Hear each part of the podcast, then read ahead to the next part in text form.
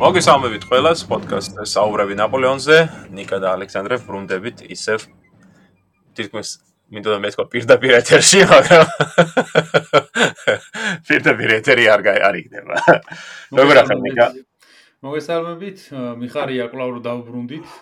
ამდენი ხნიანი პაუზის შემდეგ, ყველაზე დიდი პაუზა იყო ჩვენი პოდკასტის ისტორიაში. აა 5 წელიწადია ვიწერთ და ამ ხელას შესვენება ჯერ არ ქონია. რამე რამე რა 6 6 თუ 7 თვეა შევისვენეთ, მაგრამ ალბათ სულიერად ვემზადებით. ხო გადას გადასახლების ხვის. ხო ახლა ასეთი რამის გადატანა ეგრე ადვილი ხო არ არის რა. ვახლავდები დასასრულს და გვიჭირს არა. უკანასკნელ პოდკასტში ჩვენ ვისაუბრეთ ნაპოლეონის უკანასკნელ ბრძოლაზე ვატერლოსთან ხო? თანაც არაერთი რამდენი ეპიზოდი ჩავწერეთ? ორი, ორი, ორი პოდკასტში განვიხილეთ. ორი პოდკასტში. მაგრამ ეს კონკრეტული ბელგიის კამპანია, თელი თავისი უიღბლობებით თუ იღბლებით თუ ყველაფრით, ვისთვის რა როგორ იქნება წარმოქმნილი თქვა ინგლისელებისთვის და აპრუსიელებისთვის თუ ფრანგებისთვის. საბოლოო ჯამში ვთქვით რომ ნაპოლეონი დამარცხდა ვატერლოოს ბრძოლაში აღწერეთ ეს ბრძოლა რამდენად შეძლებელი იყო თელ თავისი ტრაგიზმით და ყველაფრით რაც აი არ ვართ ერთ-ერთი ყველაზე მაინც ისტორიაში ეს ესეთი ბრძოლა რომელიც დედამიწის მოსახლეობის 99%-ს ეწოდინება, მაინც რო კითხო ალბათ რა, რომ ვატერლოუ მაინც გაუგია რაღაცა. აშანსი არ არის, ხო, იმდენად ცნობილი ბრძოლა. შესაბამისად, ჩვენ საკმარის დრო დაუთმეთ, მას ისევე როგორც ნაპოლეონის ეპოქის სხვა ბრძოლებზე ქონია აქამდე. აა და ბოლოს აღწერეთ თუ როგორ მოუხდა ნაპოლეონს ბრძოლის ველის დატოვება და წამოვიდა დაბრუნდა ის საფრანგეთში და ახლა უნდა გავაგზავნოთ იქიდან უკვე თუ რას აპირებს ის საფრანგეთში რა გეგმები აქვს ნაპოლეონს და რას ფიქრობენ მოკავშირეები, რას აპირებენ ისინი, რას უპირებენ საფრანგეთს ამ შემთხვევაში. ნამდვილად. ანუ ვიწყებ ფაქტურად 19 19 ივნისით, ხო? გათენდა და შავად გაუთენდა ნაპოლეონს ამ ამხრევ. თუმცა იმედი არ ქონდა დაკარგული. 19 ივნის დილით თავის მასთან ჯოზეფთან წერილი გაგზავნა და იმ წერილში ა ჩანს რომ ბუნებრივია მეტად იმედგაცრუებულია ვატერლოოს შედეგით, მაგრამ წერს ასევე რომ ჯერ ყველაფერი არ დაგვიყარგავს ეს ციტატა საით არის და იქ მე აღნიშნავს რომ დაგეგმილი აქვს საფრანგეთში დაბრუნების შემდეგ აა დაიწყო 150000 კაცის მობილიზაცია გამოიწვიოს ეროვნული გვარდია აა დაიწყოს ეგრეთ წოდებული ფედერეს, ანუ ფედერალური შენაერთების, რომელიც ჯერ კიდევ რევოლუციის დროს იყო შექმნილი, მათი მობილიზება, რითაც იმედი ჰქონდა, რომ 100000-მდე ადამიანს მოუყრედა კიდევ თავს. და მოკლედ ივლისისათვის, ესე ივლისის ბოლოს აგვისტოსათვის იმედოვნებდა, რომ 300000-მდე ადამიანის მობილიზებას მოახდენდა საფრანგეთში. ანუ ფაქტობრივად ნაპოლეონს იმედი აქვს დაახლოებით ისეთი ომისა, როგორიც 1792 წელს ჰქონდათ ფრანგებს მოკავშირეებთან, ხო? ის გამოყავს ეროვნულ დონეზე აყავს ეს ომის ცნება ამ შემთხვევაში რა, აკლავინდებურად როგორც აი რაღაც სამშობლო რო გიხმობს და რო გადიხარ და ვალმის ბრძოლა და ალბათ ეს ყველაფერი პროპაგანდის ნაწილიც იქნებოდა ამ კამპანიის წინ, თუ თქვა ესეთი რამე მოხდებოდა. ხო, სხვა შორის კარგია რომ ახსენე 792, ვინაიდან ამ წერილში, ზუსტად ამ ჟოზეფთან მიწერილ წერილში საუბრობს ლევეან მასზე, ხო, მას მასიურ მობილიზაციაზე, რომელიც რევოლუციონერებმა წამოიწყეს, სწორედ აი ამ პირველი კოალიციის შემოსევის დროს. და აი ზუსტად ამას ამბობს, რომ მე ვაპირებ, მე როგორც მახსოვს ეს წერილში უწერია, ციტატასავით, რომ მე ვაპირებ ლევიან მასის მოწოვას და ტერთან დაპირისპირებას. და მე რა საუბრობს რომ ავსტრიელები როგორც წესი ძალიან ნელა მოქმედებენ, მინაიდან ჩვენ ვიცით რომ ხომ ვატერლოსთან ნაპოლეონ მარტო დაუპირისპირდა ბრიტანელებს და პრუსიელებს, ავსტრიელები, რუსები ჯერ კიდევ მოდიან, მაგრამ აი ნაპოლეონის იმედი აქვს რომ ისინი უფრო ნელა ნელა იმოქმედებენ და მას ეკნება ამის ანუ ისევ აპირებს თავის ტრადიციული მას საცაკე განადგურებას ცდილობს კლავიდეურად ანუ ან იმედი აქვს ხო მაგის ხო ხო. იდეაში ხა მარტო პრუსიელები და ინგლისელები თქვა რომ შეჭრილი იყვნენ და დაეგვიანებდათ მოკავშირეებს რაც საფრანგეთში ძალები არსებობდა იმის საშუალებით კი შეიძლებოდა ამ ორი იმის განეიტრალება არმიის და იმ ერთ შეხედვით იმ მომენტში. ხო თან რა არის ის მის წერილებს რო გადახედო აშკარა არის რომ რამოდენმე მოკლევადიანი ესეთ მიზანი ამოძრავებს მას. პირველი არის რომ მას სურს აი გრუშის გადარჩენილი корпуსის შემოერთება. თო გრუში საკმაოდ ლავრის ბრძოლის მერე, ხო? ლავ, ხო? საკმაოდ ლავრის ბრძოლის მერე ხომ თვალშორის აი ეს უნდა აღვნიშნოთ, რომ აი გრუშის რო აბრალებენ ხშირად, ხო? აი ვატერლოოსთან ჩვენ ამაზე ვისაუბრეთ, მაგრამ ისიც მინდა აღვნიშნო, რომ ვატერლოოს დამარცხების შემდეგ გრუშიმ მართლა გმირულად იბრძოლა. აა უკანასკნელი ომის, მთელი ომის უკანასკნელი ბრძოლა ხდება სწორედ ვავრის შემდეგ და გრუში იგებს ამ ბრძოლას და რაც თავარია ამ წარმატებით არტმევს თავს და ბრუნდება საფრანგეთში თავისი მთელი корпуსით, ანუ მას გააჩნია 30000-ზე მეტი კაცი ჯერ. ასევე ნაპოლეონს მიმედი აქვს რომ აი არის კიდე ცალკეული корпуსებით არჩენილი ჟან რაპის, გიომ ბრუნის, სუშეს, ლეკურბის და სხვა გენერალების და აი მას შემოვიერთებდა და ფაქტურად აი ახალი ძალის რაღაცა შენაერთი ხო იქნებოდა ეს გადარჩენილი ჯარის შენაერთები და არ დაგვაუწყდეს რომ დასავლეთ საფრანგეთში, პროფესორი აღმოსავლეთ საფრანგეთში აი რაინის პირეთში არსებობდა საკმაოდ ძლავრი ციხესიმაგრეები რომელ და ნაპოლეონს აქვს იმედი თავის წერილებში გამოხატავს ყოველ შემთხვევაში რომ აი ამ ციხესიმაგრების გარნიზონები შეძლებენ დროებით მაინც რუსების და ავსტრიელების შეჩერებას, ვინაიდან ისინი იძულებულები იქნებიან ხო ალყა შემოარტყან, რა ბლოკადა წამოიწყონ. ხო, მაგრამ ეგ თვითონ ნაპოლეონის ამ პერიოდის ომებში ხო უკვე მეტაკლებად ეგ აღარ იყო ესეთი ეფექტური. ნაპოლეონი თვითონაც ხო არიდებდა ხოლმე უშუალოდ ციხესიმაგრეებზე და მას თავდასხმას და უშუალოდ თავარი ძალისკენ მიდიოდა და რა გარანტია ქონდა რომ ისინი არაუვლიდნენ გვერდს და უშუალოდ მის განადგურებას არ ეცდებოდნენ ამ შემთხვევაში. ნუ აი წინა თქვა 13-ში, 13-ის მიწურულ 14-ის დასაწყისში მოკავშირეებმა ზუსტად იგივე გააკეთეს, ანუ ამ ციხესიმაგრეების ალყები შემოარტყეს, ბლოკადა წამოიწყეს, ну, ვთქვათ, მაინცის ციხესიმაგრეს ბლოკადას მოუნდე თითქმის 2 თვის, 2 თვეზე მეტი. ასე რომ აი ეს მომენტი, რომ ამ ციხესიმაგრეებს ვერ დატოვებდნენ უბრალოდ თავის თავიანთ ზურში, ვინაიდან მათ საკომუნიკაციო ხაზებს საფრთხე შეექმნებოდა, ეს ეს ბუნებრივია, ამას ვერ გაექცეოდნენ. უბრალოდ საუბარი არის, რამდენად რამდენად დიდ ნაწილს დატოვებდა თქვა ავსტრიელები ავსტრიელი იმპერატორი ან რუსეთის მეფე ამ ციხის მეგებ ბლოკადისათვის ან შეჩერდებოდა კი კი ამ ერთი თვითუ თქვა რამდენი კვირით რა. მაგრამ ნაპოლეონის ყოველ შემთხვევაში იცის მან რომ ას გააჩნია რაღაც დარჩენილი ჯარი აქვს შესაძლებლობა წამოიწყოს მობილიზება და აი ამ ციხის იმაგრების მეშვეობით სურს რომ ცოტათი მაინც შეაჩეროს აი აღმოსავლეთიდან მომავალი ახალი ძალები. მართლაც აი 19-20 ივნის მისი დავალებით სულტი, როგორც ვახსოვს, სულტი სულტმა და მარშალმა სულტმა ხომ შეცვალა ბერდიე. აა რაც ერთ-ერთი ალბათ მიზეზი იყო ამ ამ კამპანიის წარუმატებლობისა, სულტი კი იყო ნიჭიერი გენერალი, მაგრამ ეს საშტატო საშტაბო უბრალოდ საქმიანობაში ვიქრობთ არასწორად წაართვა, გაართვა თავს. მაგრამ ყოველ შემთხვევაში ამ ბრძოლის მერე სულტმა დაიწყო ამ გენერალური ესეთი ბრძანებების გაცემა, რომელიც ვატერლოოსთან გაფანტულ ჯარს აძლევდა მითითებებს, სადნა შეკრებილიყო, რომ გაიგზავნებულიყო ომი. ამასობაში ნაპოლეონმა, რა თქმა უნდა, ნაპოლეონი ჩაждდა ეჩში და მოემზადა საფრანგეთში თვითონ დასაბრუნებლად და აი აი აქ უკვე ხედავ თქვა 20-21 ივნის ხედავთ პრობლემებს ალბათ თვითონაც ხდება ამას ვინაიდან ქალაქ როგროში საკმაოდ ცნობილი ადგილია ხო ნიკა კი ფრანგებსა და ესპანელებს შორის 1653 წელს მოხდა ცნობილი ბრძოლა ენგიენის hercogs ყველაზე დიდი გამარჯვება ალბათ ბრძოლის ველზე და თანაც აი ვისაც ნანახი არ აქვს მე ურჩევ რომ ნახოთ ფილმი კაპიტანი ალატრე აბა მაგარია ხო. ალბათ უკანას უკანასკნელი ლასტ უკანასკნელი იმისი ერთიოების ხო. მართლა მაგარი სცენარი ეგ დასასრულში. აა თან ვიგო მორტენსონის ერთ-ერთი საუკეთესო როლი. იმდენად ცნობილი არ არის, არა ეს ფილმი, მაგრამ არ არის, სხვადასხვა არა და მე ძალიან მიყვარს ეს ფილმი. ხო. ხო, ну მოკლედ, აი როკროში ჩავიდა ნაპოლეონი ამ ვატერლოს შემდეგ და მიადგა სასტუმროს.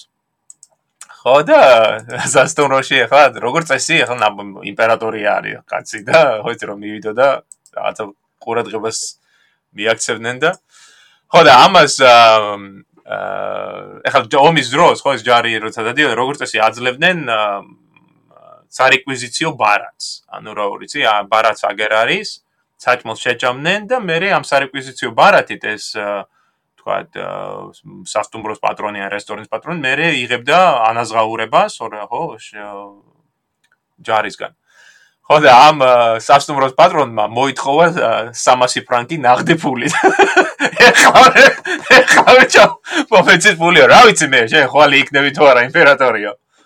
აა და ეს ფიქრობ ეს სცენა, როდესაც ნაპოლეონ ზისიგ და სასტუმროს პატრონი 300 ფრანკს ეთხო ეუბნება რომ ნაღდი ფულით გადამიხადე და არ მინდა შენი ეს ბარათი ალბათ უკვე პირველი ნიშანი იყო იმისა რომ ეჭვი ეპარება ხალხს, ხო? გადარჩება თუ არა ნაპოლეონი. 21 ივნის 4 შაბათი დღეა იყო. 21 ივნის დილის 7 საათზე ნაპოლეონი ჩავიდა პარიზში. მისი დაბრუნება პარიზში ნიშნულოვანი არის პოლიტიკური მიზნით, ხო? წესით უნდა დარჩენილიყო ალბათ ჯართან, გაეწყო მისი მობილიზაცია შემოეკრება ეს გადარჩენილი ნაწილები, მაგრამ მას ესმის თუ რამდენ მნიშვნელოვანი არის ეს პოლიტიკური მომენტი. მით უმეტეს რომ ჩვენ ვიცით ვინ დარჩა პარიზში. ხო, დარჩნენ ტალერანები და დარჩნენ ფუშეები და მათი მსგავსი ხალხია. ტალერანი არც არის დარჩენილი ამ მომენტში ფუში არის, ხო? ხო, ხო. ფუშეს აქვს. ფუშე მითავა ტალეირანობა ახლა. ხო, ხო. ანუ ორი ყველაზე დიდი ფიგურა ვინც იყო ნაპოლეონის პერიოდში საფრანგეთში ფუშე და ტალეირანი ჯერ ერთმა დაღუპა და ეხა მეორე. ხო და აი ეს არის აი მართლა საინტერესო მომენტია რა რომ ნაპოლეონ იცოდა რა რა ხალხიც იყო. ხო. იმ ცნობილი გამოთქმის არის ხო, ხო? კი რა იცოდა რა. ხო, რა კაკი იყო. ხო, ხო, ტახტზე ვიქნებოდი რა. მაგრამ ამავე დროს აფასებდა მათ ნიჩს აძლევდა მათ ამ საშუალებას რომ დარჩენილიყვნენ ძალაუფლებასთან ახლოს. ახლა ტალერანის და ფუშეთს თქვა და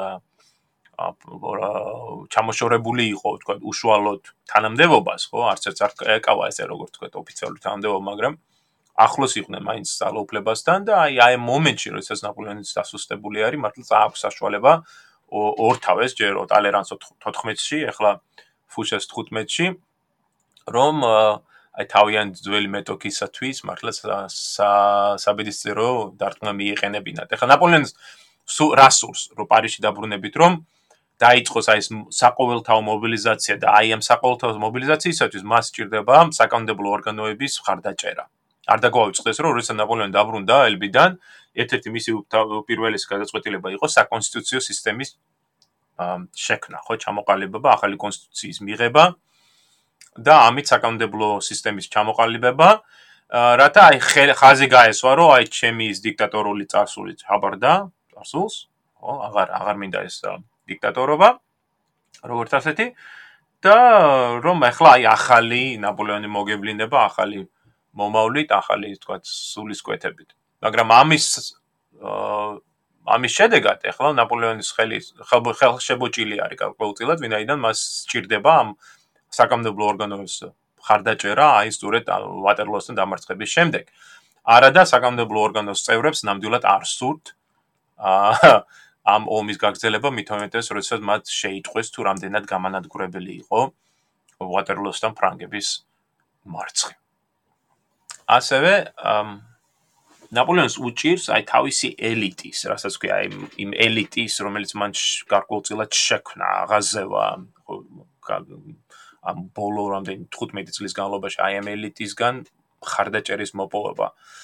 ამ ისეთი ადამიანები როგორც იყვნენ მაგალითად რენო დე სენ-ჟანი, ხო, სენატორი, საკმაოდ წარმატებული პირი, საკმაოდ გავლენიანი პირი, აა მათ მათ კი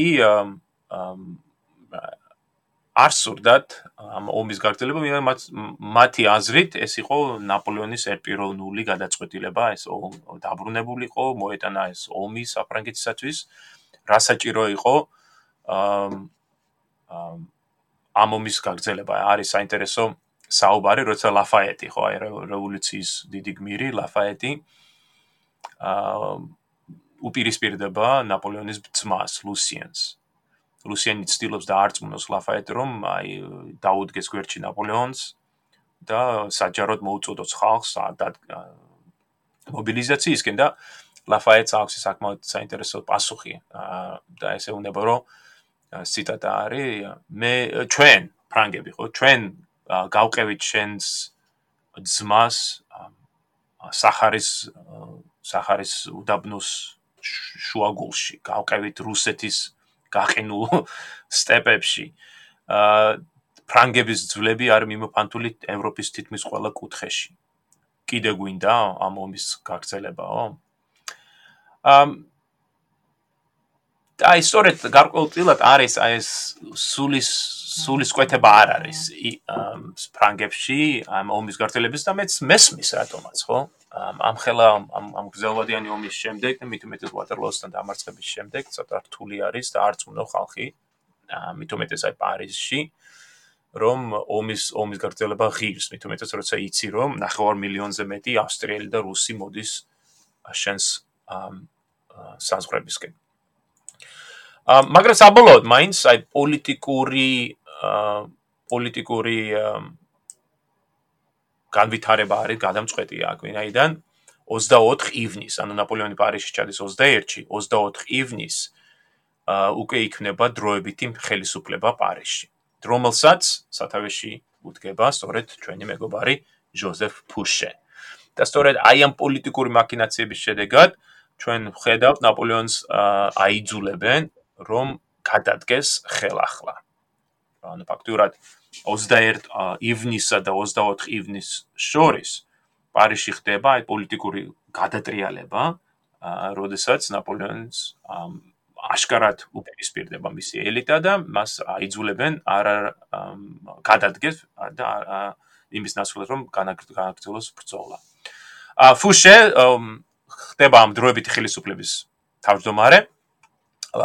დაუყოვნებლივ ნიშნავს მარშალ მაკდონალდს საფრანგეთის ჯარების ხართ თავარსარდლად ლაფაეტი უდგება ეროვნულ გვარდიას სათავეში. მის მეადგილეთ მოადგილეთ ინიშნება მარშალი უდინო. და ჩვენი ძველი მეგობარი ლაზარ კარნო ალბათ გახსოვს ძალიან საინტერესო პიროვნება ხდება შინაგან საქმეთა მინისტრი ოფიციალური გამოცემა ამ დროს ერთადერთი დარჩენილი ოფიციალური ესეთი ჟურნალი არის ჟურნალ დელემპიხ იმპერიის ჟურნალი რომელმაც 24 ივნის გამოაცხადა რომ ეს ნაპოლეონ ბონაპარტე არის მალმეზონში. და ეს თვითონ ეს ეს ფაქტი რომ ის საუბრობს ნაპოლეონ ბონაპარტეზე და არა იმპერატორ ნაპოლეონზე ან რამე ხო იცი ტიტულსაც კი არ არაძლებენ უკვე ხას უსვამს თუ რამდენად საფუძვლიანად შეიცვალა ა სიტუაცია ნაპოლეონის წინააღმდეგოდ ხო 21-ში 21 ივნის ბრუნდება როგორც იმპერატორი და 24 ივნის ფაქტურად მას არ აქვს ძალაუფლება. ისიც უნდა აღნიშნოთ ჩვენ, რომ ნაპოლეონს არ გააჩნდა საპოლიტაო მხარდაჭერა საფრანგეთის დანარჩენ ნაწილებში. არ დაგვაუწყდეს, რომ სამხრეთ სამხრეთ აა სამხრეთ საფრანგეთში არის როიალისტების ჯარი, რომელიც უპირისპირდება ბონაპარტისტებს. დასავლეთ საფრანგეთში არის საკმაოდ დიდი მღელვარება ნაპოლეონის წინააღმდეგ. აა აღმოსავლეთ და ჩრდილო საფრანგეთშიც არის როიალისტთა შენაერთები, რომლებიც უბრალოდ უარს ამბობენ ნაპოლეონისთვის ხარდაჭერისათვის. ასე რომ ეს არის საკმაოდ ფუნდამენტური პრობლემა არის აქ. უჭერ თუ არა ჩვენ ამ ამ ერთ პიროვნებას ხარს და ღირს თუ არა ომის გრძელება აი ამ ადამიანის გამო. ასე რომ ნაპოლეონი არის მალმეზონში. ასწორედ აქ მალმეზონში თავის შატოში მას აკითხავენ სხვა სხვა ხალხი და ურჩევენ რომ წავიდეს გაეცალოს საფრანგეთს სანამ გვიანი არ არის იმიტომ ვიცით რომ პრუსიელებს დათმული ქონდა რომ თუ სადმე დაიჭერდნენ ადგილზევე დახრიტავდნენ ხო ბლუხერის დიდი ოცნება იყო ეს და ყველა ურჩევდა ნაპოლეონს რომ წასულიყო დასავლეთ საფრანგეთში საზღვრისპირ ოკეანის სანაპიროზე და ეცადა ბედი რომელიმე ნავით გაქცეულიყო თქვა როშორიდან და წასულიყო ალბათ ყველაზე კარგი ვარიანტი იყო გაქცეულიყო ამერიკაში. ფუშეც ხო ამას ურჩევდა თვითონ? ხო სხვა შორის პასპორტიც პასპორტიც ხომ ფუშეს ხელმოწერით გასცეს ნაპოლეონზე რომ წასულიყო ფაქტურად მაგას უბიძგებდა ხო სხვა შორის 29 ივნის ფუშეს გაგზავნა თავისი ორი წარმომადგენელი ერთ-ერთი იყო ბულეი დე ლა მერს რომელთა რომელმაც უთხრეს რომ აი შენ რასაც თქვი რომ წადი საფრანგეთიდან, აგერ არის პასპორტი და რაც თავარია მას შესთავაზეს ორი ფრიგატი. აა ფრიგატი სალი და მედუზა რომ უბრალოდ წასულიყო რა, დაგვანები თავი, გაგვერიდე და ჩვენ მივხედავ დანარჩენ საქმეს. მაგრამ და ფაქტობრივად ნაპოლეონის გადაწყვეტილება წასულიყო მალმეზონიდან იყო აი განპირობებული ამ ამ თერი რიგი ფაქტორით. ერთი რომ საფრანგეთში მას აღარ რთული იყო მისთვის არჩენა, პრუსიელები უახლოვდებიან აა პარიზს. და მან იცის რაც რაც მოილის უპრუსელები ჩაიგდებენ ხელს მით უმეტეს ფრანგული ხელისუფლებას უბიძგებს წასულიყო და ნუ მესამე ყველა მისი ხახლობელი ძმისგან დაწყებული ყველა ეუნება წადი ხო ახლა თავარია გადარჩე მე მოიფიქრებ. და ნუ მოკლედ ნაპოლეონმა გადაწყვიტა წასულიყო როშფორში ისე როგორც მახსოვს როშფორზე უკეთესი ვარიანტიც ქონდა დასახელებული ჰავრი მე როგორც მახსოვს ქალაქი სადაც შეიძლება წასულიყო და როშფორი უფრო წესით და რიგით ნაკლებად მომგებიანი უნდა ყოფილიყო იმიტომ რომ ინგლისური ფრეგატი აქ პატრულირებდა როშფორის სიახლოვეში და ფიქრობდე რომ არისო კარგი ვარიანტი. მაგრამ ფუშე მურჩია როგორც ვიცი კონკრეტულად როშფორიდან წასვლა მაგ ფრეგატების გამო. ხო ამ ორი ფრიგა არა იცი რა არის ლეჰავში ლეჰავში რო წასულიყო იქიდან ვერ გააღწევდა ვინაიდან ლეჰავრი არის ბრიტანულ სანაპიროსთან უფრო ახლოს და უფრო უფრო აკონტროლერებ კონტროლის ქვეშ იყო ბრიტანული საზღვაო ძალების მიერ ზოგადად რო ვთქვა ყველა ფრანგული ძირითადი პორტი იყო ბლოკადის ქვეშ ბრიტანული საზღვაო ძალების მხრიდან. ასე რომ აი ამ ძირითადი პორტებიდან მაინც ვერ გააღწევდა როგორც ასეთი. მაგრამ ამ ხრივ როშფორტი მაინც უფრო უკეთესი იყო ვინაიდან აქ მაინც აი ამ ორ ფრიგატ ამ ამ ფრიგატის გამოყენებას შეეძლებდა ლეხავრისგან განსხვავებით. 5 ივლის როშფორში ჩავიდა ჟოზეფი. ა და ჟოზეფი როგორც შენ ახსენე შესთავაზა ნაპოლეონს რომ ვინაიდან მათ შორის ფიზიკური მსგავსება იყო და ხშირად იყო რომ ხალხი ამბობდა რამდენად ჟოზეფი გავდა ნაპოლეონს რომ ის გაასაღებდა თავს იმპერატორად და თქვა გაიტყუებდა ბრიტანელებს და ამასობაში ნაპოლეონი შეძლებდა გაქცევას. მაგრამ ნაპოლეონს მართლა არ სურდა აი ეს რაღაც ლაჩრულად წასვლა. რა ეს ეს ეს არის ერთი მომენტი აქ, რომ ბოლოს და ბოლოს კაც იმპერატორი მიაჩნია თავის თავი, ხო? და მას სურს საფრანგეთთან წასვლა კი სურს, მაგრამ წასვლა სურს ისე, რომ მას მაინც კონდეს შენარჩუნებული რაღაც თავისი მეობა, თავისი რაღაც ღირსება. აა ამასობაში, რა თქმა უნდა, გავრცელდა ეს ამბავი, რომ ნაპოლეონი არის როშფორდში და აა ბრიტანელებმა გაგზავნეს დამატებით ძალები ამ სანაპიროსკენ ადმირალმა ჰენრი ჰოთამმა გაგზავნა დამატებით ბრიგადები. ასევე ბურბონებმა ოფიციალურად განაცხადეს ხო ეს უკვე ივლისის დასაწყისია ოფიციალურად განაცხადეს რომ მათ დაიბრუნეს ხელისუფლება და ერთ-ერთი მათი პირველი გადაწყვეტილება იყო რომ გაიგზავნათ ბრძანებები ყველა საზღვაო ხომალდისათვის რომ არ დაეხმარებოდნენ ნაპოლეონს. ანუ ფაქტურად აქ არის ხოლმე ორი ორი ხო ხელისუფლების თქვა დაპირისპირება. ერთი ამ დრო ფუშეს დროებითი ხელისუფლების რომელსაც ფაქტურად დაკარგა თავისი ძალაუფლება მაგრამ ნაპოლეონისათვის გაცემული აქვს ეს პასპორტი და ამ ხომალდებისთვის აქ ნაბრძანები რომ დაეხმარეთ და ამ დროს არიან ბურბონები რომლებიც ამბობენ ეს ყველი ეს ყველაფერი გაფათილებული არის. ნაპოლეონმა 12 დღე გაატარა ამ როშვორში და მის מחლობლად, ხო? ვიცით რომ ერთ ერთ მომენტში გადავიდა პატარა კუნძულ აიზე და იქ იქ იქ იყო სხვა შორის თუ ჩვენი მსმენელი აღმოჩნდება როშვორის מחლო-מחლო, შეგიძლია წახვიდეთ ამ აიში, ძალიან საინტერესო პატარა მუზეუმი აქვს ნაპოლეონის უკანასკნელი დღეებისა. სწორედ აქ, აი ამ აიში ყოფნისას ნაპოლეონი ხვდება, რომ ლაჩრულად გაქცევა მას არ სურს ისე ნორმალურად რომ სადოს თავისი ბედი აშკარა არის რომ ბრიტანელები მას ჩაიგდებიან ტყვეთ და ამიტომ ნაპოლეონი გადაწყვიტავს რომ დაუკავშირდეს ასორე სანაპიროსთან დგომ ბურბონ ბრიტანულ საზღვაო ხომალთან ბელეროფონთან და მის კაპიტან ფრედერიკ მაიტლენთან დაიწყება მოლაპარაკებები ნაპოლეონის ჩაბარებაზე. როგორც მახსოვს ერთ-ერთი გეგმა ნაპოლეონის გაყვანისა, ასევე ამერიკაში გადაყვანისა იყო ის, რომ კაპიტან ბოდენთან მიეყვანათ ის კაპიტანი ბოდენი ყველაზე ერთ-ერთი ყველაზე ცნობილი ფრანგი კაპიტანი ნაპოლეონის ეპოქისა, ის ავსტრალიის და მთელი ექსპედიციების წევრი ამ პერიოდში ისიც სანაპიროზე იყო. მისი გემი იყო ბაიადერი და შეიძლება იყო განიხილავდე რომ მოხვედრილიყო ბოდენის გემზე და ბოდენი წაიყვანდა ხა მას არ დაიწყებდა საშვის თხოვნას იმასავე ფილიბერივით და უფრო გაბედული კაციც იყო და უფრო ესეთი სანდო ნაპოლეონის შემთხვევაში, მაგრამ არ გამოვიდა ეს გეგმა და არც გამოვიდა კიდევ მეორე გეგმა, რომელიც ცოტა უფრო ესეთი მე გამახსენდა ცნობილი კონკისტადორი ნუნიეს ბალბოა, რომელიც ასე კასრით წავიდა იმაში თავის დროზე, შეიპარა გემზე ამერიკაში გამგზავრების დროს ნაპოლეონის აპირებდნენ კონიაკის კასრით გაეპარებინათ, ჩასვამდნენ იმაში, კასში დაახურავდნენ და გემზე აღმოჩნდებოდა ისე გაიტანდნენ, რომ ვერანაირ გაიგებდა და ხა. მე ამოძრებოდა იქიდან და მოკლედ ეს მაინრიდის პატარა ზღვის გელი, იქ ამბავი შეიძლება მოხდომოდა იმაზე. ხო, თუმცა ხო არი კადრა ეხა ნაპოლეონმა არც ეს როგორც თვით რომ აი ეს არაპირებდა რა ასე წასვლას რა, ანუ იმპერატორი იყო და იმპერატორი თუნდაც წასულიყო თუ წასვლა იქნებოდა და არა ესე ქურდულად ვერ გაიპარებოდა და არც გააკეთა შესაბამისად. ხო, ხო, ხო, ზუსტად. ზუსტად ეგ არის რა მომენტი, როდესაც ახლა გაპარვა თქვა და შეიძლებოდა და აშკარა იყო რომ მას გააჩნდა საშუალება თქვა ეცადე, მაგრამ აი როგორ უნდა ხო დაგესრულებინა პოლიტიკური პოლიტიკური კარიერა. ამ ეხა პრობლემა რა არის ნაპოლეონისათვის რომ 12 ივლის 12 ივლის როშფორში აღსდგა ბურბონთა ხელისუფლება.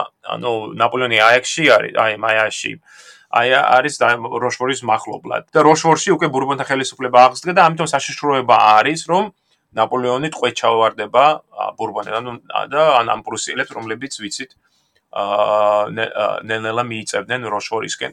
ასე რომ დროის ფაქტორი არის, ნაპოლეონმა უნდა მოიმოქმედოს რამე.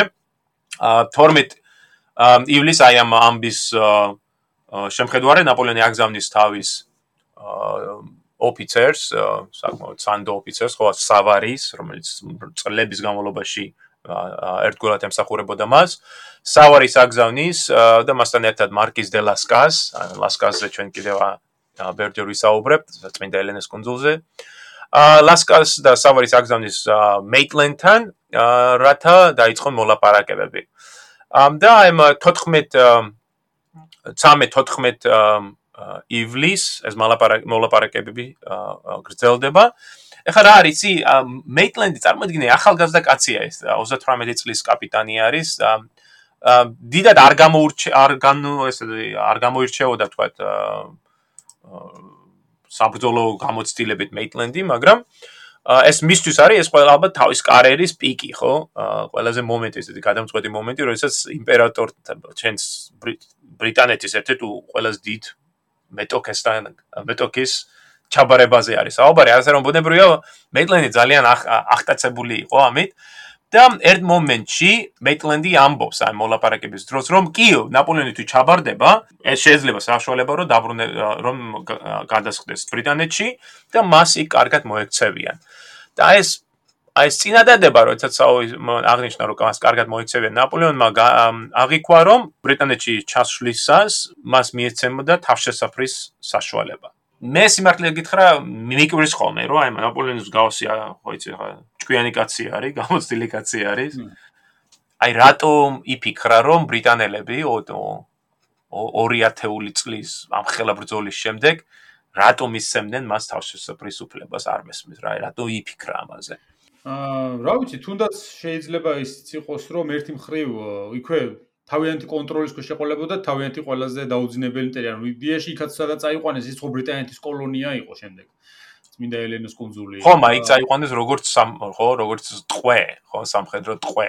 მაგრამ აღარ რომს მიეცა ეხა სახლი და ეცხოვრა თქვა ინგლისში მეტნაკლებად მაინც ტყვეობაში იქნებოდა იმიტომ რომ ვინ დატოვებდა ნაპოლეონის ყურადღების გარეშე ახლა იქ მუდმივად ეყოლებოდათ თქვენ მეთვალყურეობის ხო აი აი სწორედ აი მე მეცინება მე რომ აი ნაპოლეონს როდესაც ამ მოლაპარაკებებს აწარმოებს მას იმედი აქვს. ყოველ შემთხვევაში მოლაპარაკებები მაგისთვის წარმოებდა რომ მას იმედი აქვს რომ ეს ჩაბარდება ბრიტანელებს. ბრიტანელები მე მას მისცემენ თავშესაფარს. თავშესაფარი გულისხმობს რომ ეთქვა აო ამ 20 წლიანი ომის მერე კი ჩამოდი აგერ ბატონო და ეს სტრეტფორდშირში დასახდი და იცხოვრე რა რას გააკეთებდა? იქ ალბათ დადგებოდა და კომბოსტოს მოიყვანდა იქ დიოკლეტიანესავით. ხო. თუ თუ მოდის ინგლისში კარგი. ხო ხო ა მოკლედ აი ამ ამ მომენტში ნაპოლეონი თანხდება აი ამ შემოთავაზებას და 14 ივლისს შუაღამეს 14 ივლისის შუაღამეს წერს აი ამ ცნობილ წერილს. ამ წერილის ტექსტი შემოგვინახა გასპარ გურგომ და ნაპოლეონი წერდა: "თქვენო სამეფო უდიდებულესობაო, გავხდი რა იმ შეთქმულთა ჯგუფების სამიზნე, რომლებიც ჩემ ქვეყანაში განხეთქილებას თესავენ და ასევე ევროპის სახელმწიფოების მტრობის ობიექტი, ჩემი პოლიტიკური კარიერა დავასრულე. ახლა თემისტოკლეს მსგავსად ბრიტანელ ხალხს თავშესაფარს ვთხოვ. თქვენ სამეფო უდიდებულესობას, რომელიც ჩემს სტრებს შორის ყველაზე ძლიერი, ყველაზე მტკიცე და ყველაზე დიდსულოვანია, ვთხოვ მისი კანონებით დამიფაროს. მეიტლენდმა საადმირალოს დიმას შეატყობინა რომ მზად იყო თან. მიიღო ნაპოლეონ ბონაპარტი რომელიც თანახმა ჩაბარდეს მის სამეფო უდიდებულესობას პრინც რეგენტს. და მანაც შემდეგი ბრძანება მიიღო ამაზე თუ კი თქვენ მზად ხართ აიყვანოთ დევნილი დევნილი იგი თქვენი გემით უნდა გადაიყვანოთ საგულდაგულოდ უდარაჯოთ და ძალიან ფრთხილად მიიყვანოთ ინგლისის უახლოეს პორტამდე. პორტში შესვლისთანავე მიწასთან ყოველგვარი კონტაქტი გეკრძალებათო აა საინტერესო წერილია რა. კი, თან თემისტოკლეს რო ახსენებს. ისტორიული პარალელი მოყავს ცნობილ თემისტოკლეს და რომელსაც სპარსელები დაამარცხა სალამინის ბრძოლაში და შემდეგ თვითონ მოუხდა სპარსეთში გაქცევა და იქ სპარსელებმა დანიშნეს მართველადაც კი ერთ-ერთი იმის ქალაქისა. 1815 წლის 15 ივლისის დილის 8 საათზე შაბათი დღე იყო. ნაპოლეონმა დატოვა საფრანგეთის სანაპირო და ფეხი შედგა ამ ბრიტანულ ხომალდზე. პირველად თავის ცხოვრებაში არის თავისი დაუძინებელი მტრის გემზე, ბელოროფონზე. ის ფორმალურად ჩაბარდა ბრიტანელებს და ეხლა უკვე უნდა გადაწდეს რა შეიძლება მოუხერხოთ ამ კაცს. ამას ხო, ამას გარდა იმასაც ხო აპირებდნენ გურგოს აუდიენციას პრინც რეგენტთან, რომ ნაპოლეონის ის მიეტანა. ხო, რა თქმა უნდა, აი არის ცდილობა, რომ ხო ხო, რაღაც პირობა ქონდა ნაპოლეონს, რომ ამერიკაში თუ თქვა ინგლისში არ დაარსთავდნენ ნებას, ამერიკაში წასულიყო, იმიტომ რომ სხვა კოლონიაში არ მსურს გამგზავრებაო, ასე იმაში, რა ქვია, აღნიშნავს იქ. ხო, რა, ახლა ნაპოლეონი ნამდვილად არ სწორდა. წმინდა ელენეს წუნდოლის გავს. მიხრებულ ადგილზე სასლა. ინდოეთში უნდა გაიგოს, ინდოეთში. ო, ინ, ინ, ცეცარ როგედგენი არას და ატრიალებდა იქ. აა სხვადასხვა როდესაც ის შედგა, როცა ავიდა გემზე, ხო, ბელორფონზე როცა ავიდა და რო ჩამოართვა ხელი მეიტლენდს. ნაპოლეონის სიტყვები იყო მე მე ვექცევი აი ინგლისის კანონების დაცვის ქვეშ. ეს აი ეს წინადადება როდესაც ის ამბობს, არა ძალიან საყურადღებო არის, ვინაიდან ის ფიქრობს და კლავ აი შეცდომით ფიქრობს და აი ამიტომ ავარი რომ ძალიან ისეთ გაწმილებული ვარ რომ არ დაგავიწყო, ეს არის სამხედრო გემი. ამიტომ ნაპოლეონის სურვილი ან ეს ოცნება რომ ის არის ბრიტანეთის კანონების დაცვის ქვეშ არის აბსოლუტურად მიუღებელი, ვინაიდან ის არ არის სამოქალაქო გემზე, არც და ბრიტანეთის სანაპიროზე და ბრიტანეთის ბრიტანულის კანონები არ ცერდება, ხო სამოქალაქო კანონები არ ცელდება ამ სამხედრო ხომალდზე, ამიტომ მას არანაირი habeas corpus-ი არ გააჩნია. ა შემდეგში ის ბევრს იწუწუნებს ამაზე, მაგრამ უნდა ეფიქრა რომ ეს მოხდებოდა. და მეიტლენმა დაუთმო მას, თან ეს პატივია რა თქმა უნდა, დაუთმო მას თავისი კაპიტნის კაბინა და მომდევნო რამოდენიმე თვის განმავლობაში ნაპოლეონი ატარებს აი ამ ამ ხომალდზე ძალიან საინტერესო საუბრები აქვს ბრიტანელებთან, ყველა ოფიცრები ხო იცი ძალიან ისე გაკვირვებულები უყურებენ მას. აა ამდენ წლის განმავლობაში ხო ეს მაინც მაგათთვის ეს იყო სიმბოლო მტრობის და აი ახლა უკვე აგერ არის. აა როდესაც ის გემი ჩავიდა პლიმუთში ხომ იქ მას დახვდა სანაპიროზე ასობით ადამიანი ხალხის ოდენობა გაიზარდა მომდენო რამოდენიმე დღის განმავლობაში.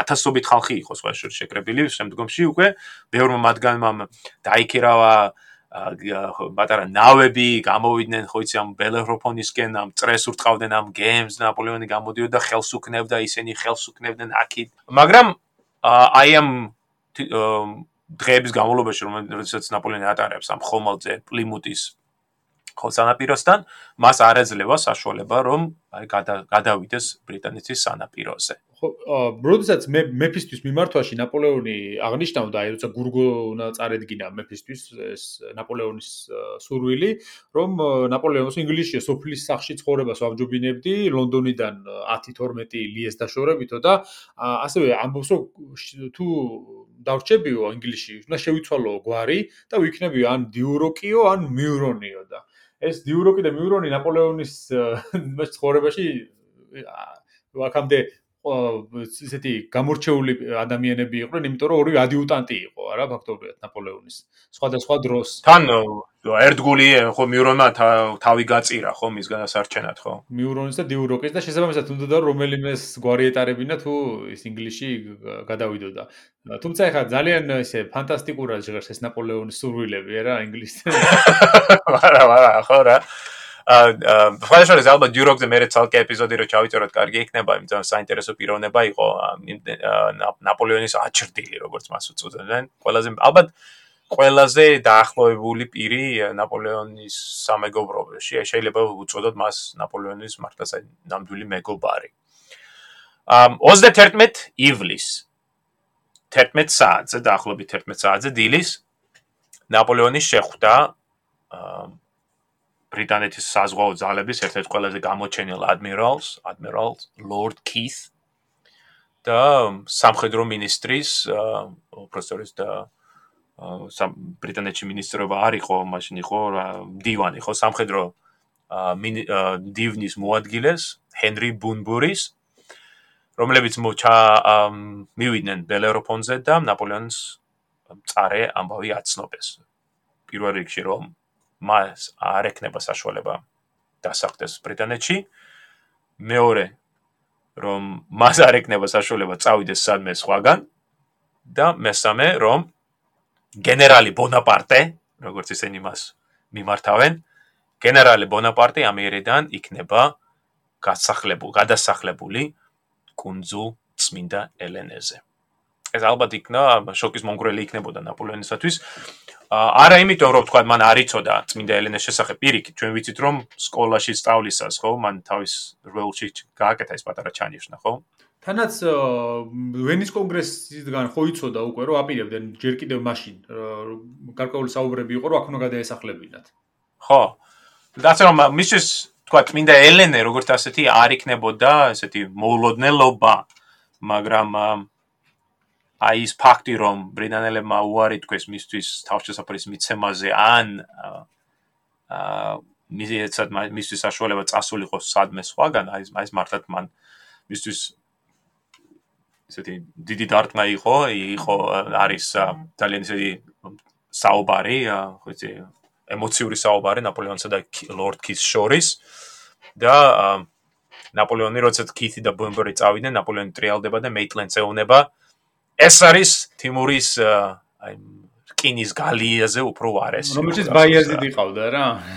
ხო, ანკარასთან გამარჯვა 1402 წელს თემურლებმა დაატყვევა ოსმალეთის სულთანი ბაიაზიდი ილდირიმი და გალიაში ყავდა გამოწყდეული, მე მე დაღავდა.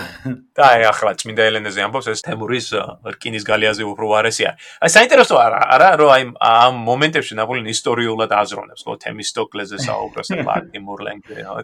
რომ აი თავის თავს აშკარად ისტორიულ კონტექსტში განიხილავს, ხო? აი ამიტომ არის რომ აი ამ პოდკასტის დასაწყისში რომ საუბრობდით, რომ მას არ სურს ასე ლაჩრულად გაქცევა და ხო დამალვა და კონიაკის კაცში ჩაждომა. ამხელა ისტორია დაწერა ხა და ამის მერე კონიაკის კაცით გაქცევა, ხო.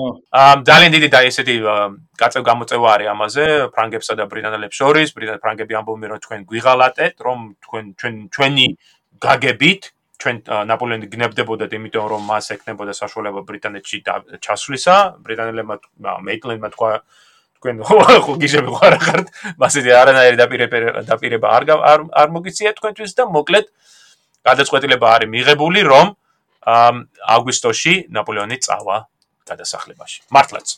7 აგვისტოს ანუ ერთი კვირის თავზე ნაპოლეონ ნაპოლეონი გადასხდა ბრიტანეთის საზღვაო ძალების ერთ-ერთ საუკეთესო ხომალდზე ნორთ თუმბერლანდზე რომელსაც სათავეში ედგა ადმირალი ჯორჯ კოკბორნი, ძალიან ცნობილი სამხედრო მოღვაწე, საზღვაო მოღვაწე ამ დროს. ბრიტანელებმა უთხრეს ნაპოლეონს, რომ მას აქვს მხოლოდ ცირე ჯგუფის თანწაყვანისა, სხვა შორის მისცეს მხოლოდ 26 26 კაცის შერჩევისა და ნაპოლეონმა დაიწყო ამ ხალხის შერჩევა. მან ვერ შეძლო ყველა იმ ადამიანის წაყვანა, რომელიც მას სურდა. ზოგიერთ მათგანი, თქვა ბრიტანელმა ხელისუფლებამ დაბლოკა. მაგალითად, ალბათ ყველაზე ცნობილი ამათგან არის ნაპოლეონის ერთგული მდივანი, მენევალი, რომელმაც ბრწყინვალე მემუარები დაწერა, სამტომეული, მართლა საუკეთესო წყარო არის ამ პერიოდისა. აა მენევალს უნდა მენევალის წაყვანა უნდა და მენევალი თანახმა იყო წასვლაზე, მაგრამ ბრიტანელებმა უარი თქვეს.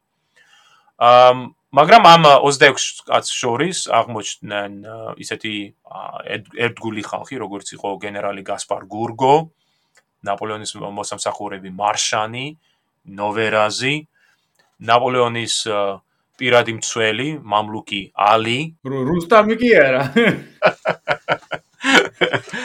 ახო რუსტამი რუსტამი არა მართლაც აღარც მიიღებდა რუსტამს რომ ძალიანაც უნდა მოდა ხო გახსოვს ეცადა ხო რუსტამი დაბრუნება და ნაპოლეონმა არც კი შეუშვა სასახლეში 14 წელს ჩადენილი ღალატის გამო. მაგრამ ეს მამლუკი ალია უნდა ვთქვა ალბათ რომ კავშირი არ აქვს არც ეგვიპტესა და არც საქართველოსთან არც სომხეთთან ეს იყო უბრალოდ ფრანგი სენეტიენი რომელმაც რომელიც ჩაირიცხა მამლუკთა ესკანდროში მას შემდეგ რაც მამლუქთა ეს თავდაპირველ მამლუქთა უმეტესობა განადგურდა რუსეთში ლაშქრობის დროს.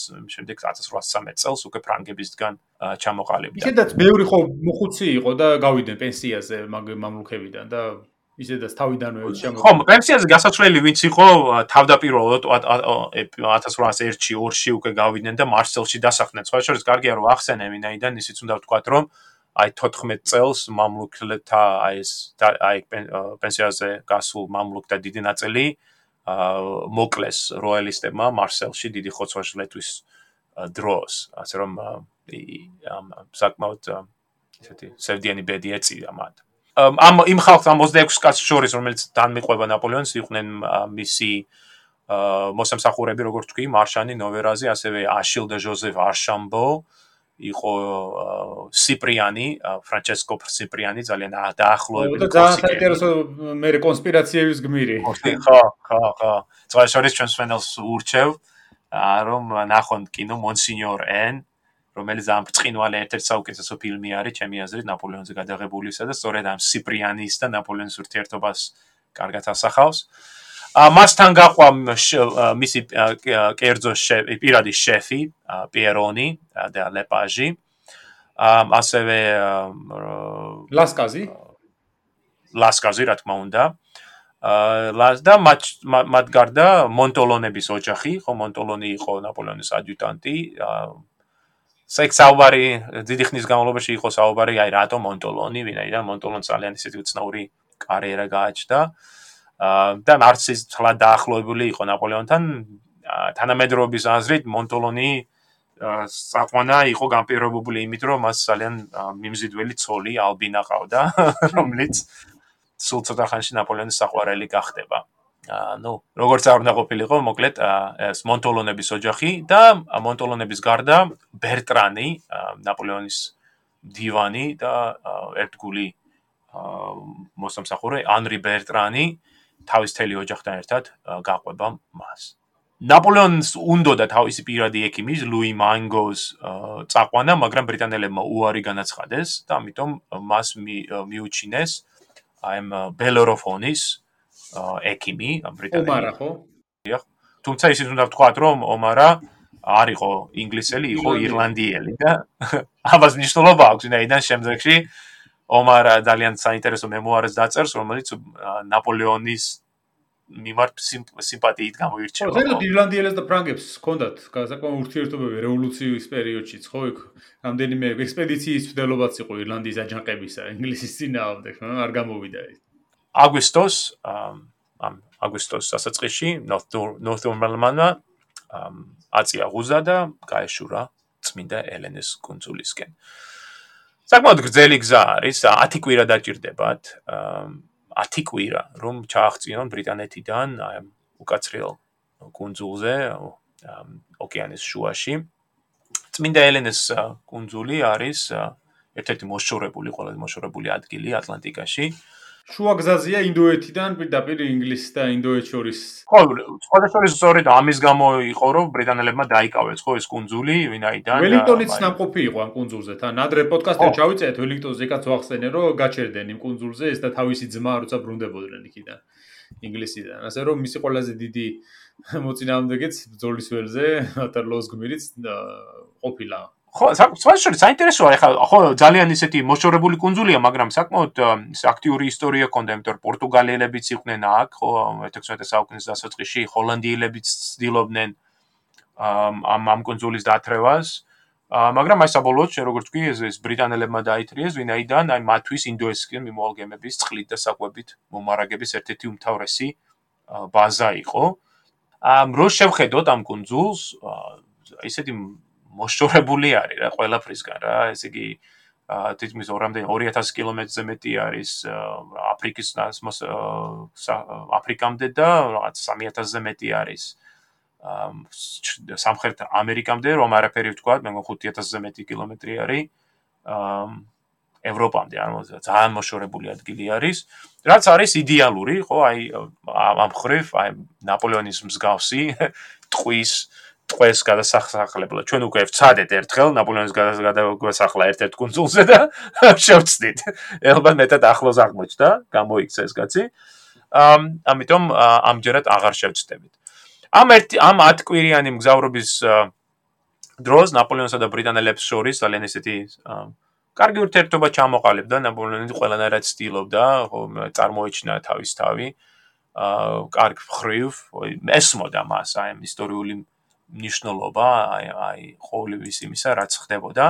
ამ როგორც წესი დილით ადრე ესე 10-11 საათზე დგებოდნენ ნაპდგებოდა ნაპოლეონი საუზმობდა მე დღის ესე შუა დღეს ატარებდა გემზე თქვათ ამ ბრიტანელების კომპანიაში მე თამაშობდა ჭადრაკს თუმცა ვიცით რომ ჭადრაკი ამ ამ ხელა ტაქტიკოს და სტრატეგოს ჭადრაკის თამაში კარგად მაინც ვერ არიწოდა მან. და შემდეგ საღამოს ამ ადმირალ კოკბურთან ერთად უკვე ვახშმობდა და მე უკვე დილით ისევ იგივე მეორდებოდა. 23 სექტემბერს გემა გადაკვეთა ეკვატორი და 14 ოქტომბერს პირველად დაინახეს მათ ეს ეს კუნძული წმინდა ელენეს კუნძული საკმაოდ მომცრო ზომის არის. ამ სუნთლიანად 122 კვადრატული კილომეტრი არის, ასე რომ არც ისე დიდია. მოსახლეობა ძალიან მცირე იყო აქ. 1815 წელს თლიანად მოსახლეობა არის დაახლოებით 4500 კაცი, რომელთაგან 3400-მდე არის ევროპელი. ამ 218 მონა 400 რაღაცა მე მგონი 500-მდე ჩინელი მოსამსახურე და სხვა შორის 120-მდე მალაილელი, ანუ მოსამსახურე. 15 ოქტომბერს ნაპოლეონმა იხმო თავისი ეს მოსამსახურე მდივანი მარშანი დადიკიაკაო დადგა ეს ჩემს დადგა მარშანი და ნაპოლეონმა დურბინდი და როგორც ბევრჯერ ადრე გაუკეთებია თქვა აუსტერლიცთან და სხვაგან დურბინდი დაადო მხარზე მარშანს და კონძული შეისწავლა ამ ხომალდიდან არ არის ლამაზი ადგილიო უთხრა ნაპოლეონმა და შემდეგ ესეც საინტერესო სიტყვები წარმოთქვა ეგვიპტეში უნდა დარჩენილიყავიო როგორ წარიმართებოდა რა ისტორია რო დარჩენილიყო ეგვიპტეში? როგორ წარიმართებოდა რა უნდა და რო დარჩენილიყო დაიჭერდნენ მაინც ბოლოს აიქაც. ამოეწურებოდა. უფრო ადრე დაასახლებდე ვიდა ელენეს კონცერტს. ო ჩვენ ჩვენ რა გვეშველებოდა რა ორი დღე ელოდებოდა გემზე სანამ მოსამზადებელ სამუშაოებს და ჩაატარებდნენ კონძულზე და 17 ოქტომბერს უკვე ნაპოლეონი გადადის კუნძულზე. მოდი აქ გავჩერდეთ ჩვენ. ხო, და შემდეგი პოდკასტი უკვე იყოს ნაპოლეონის მიდე ელენეს კუნძულზე.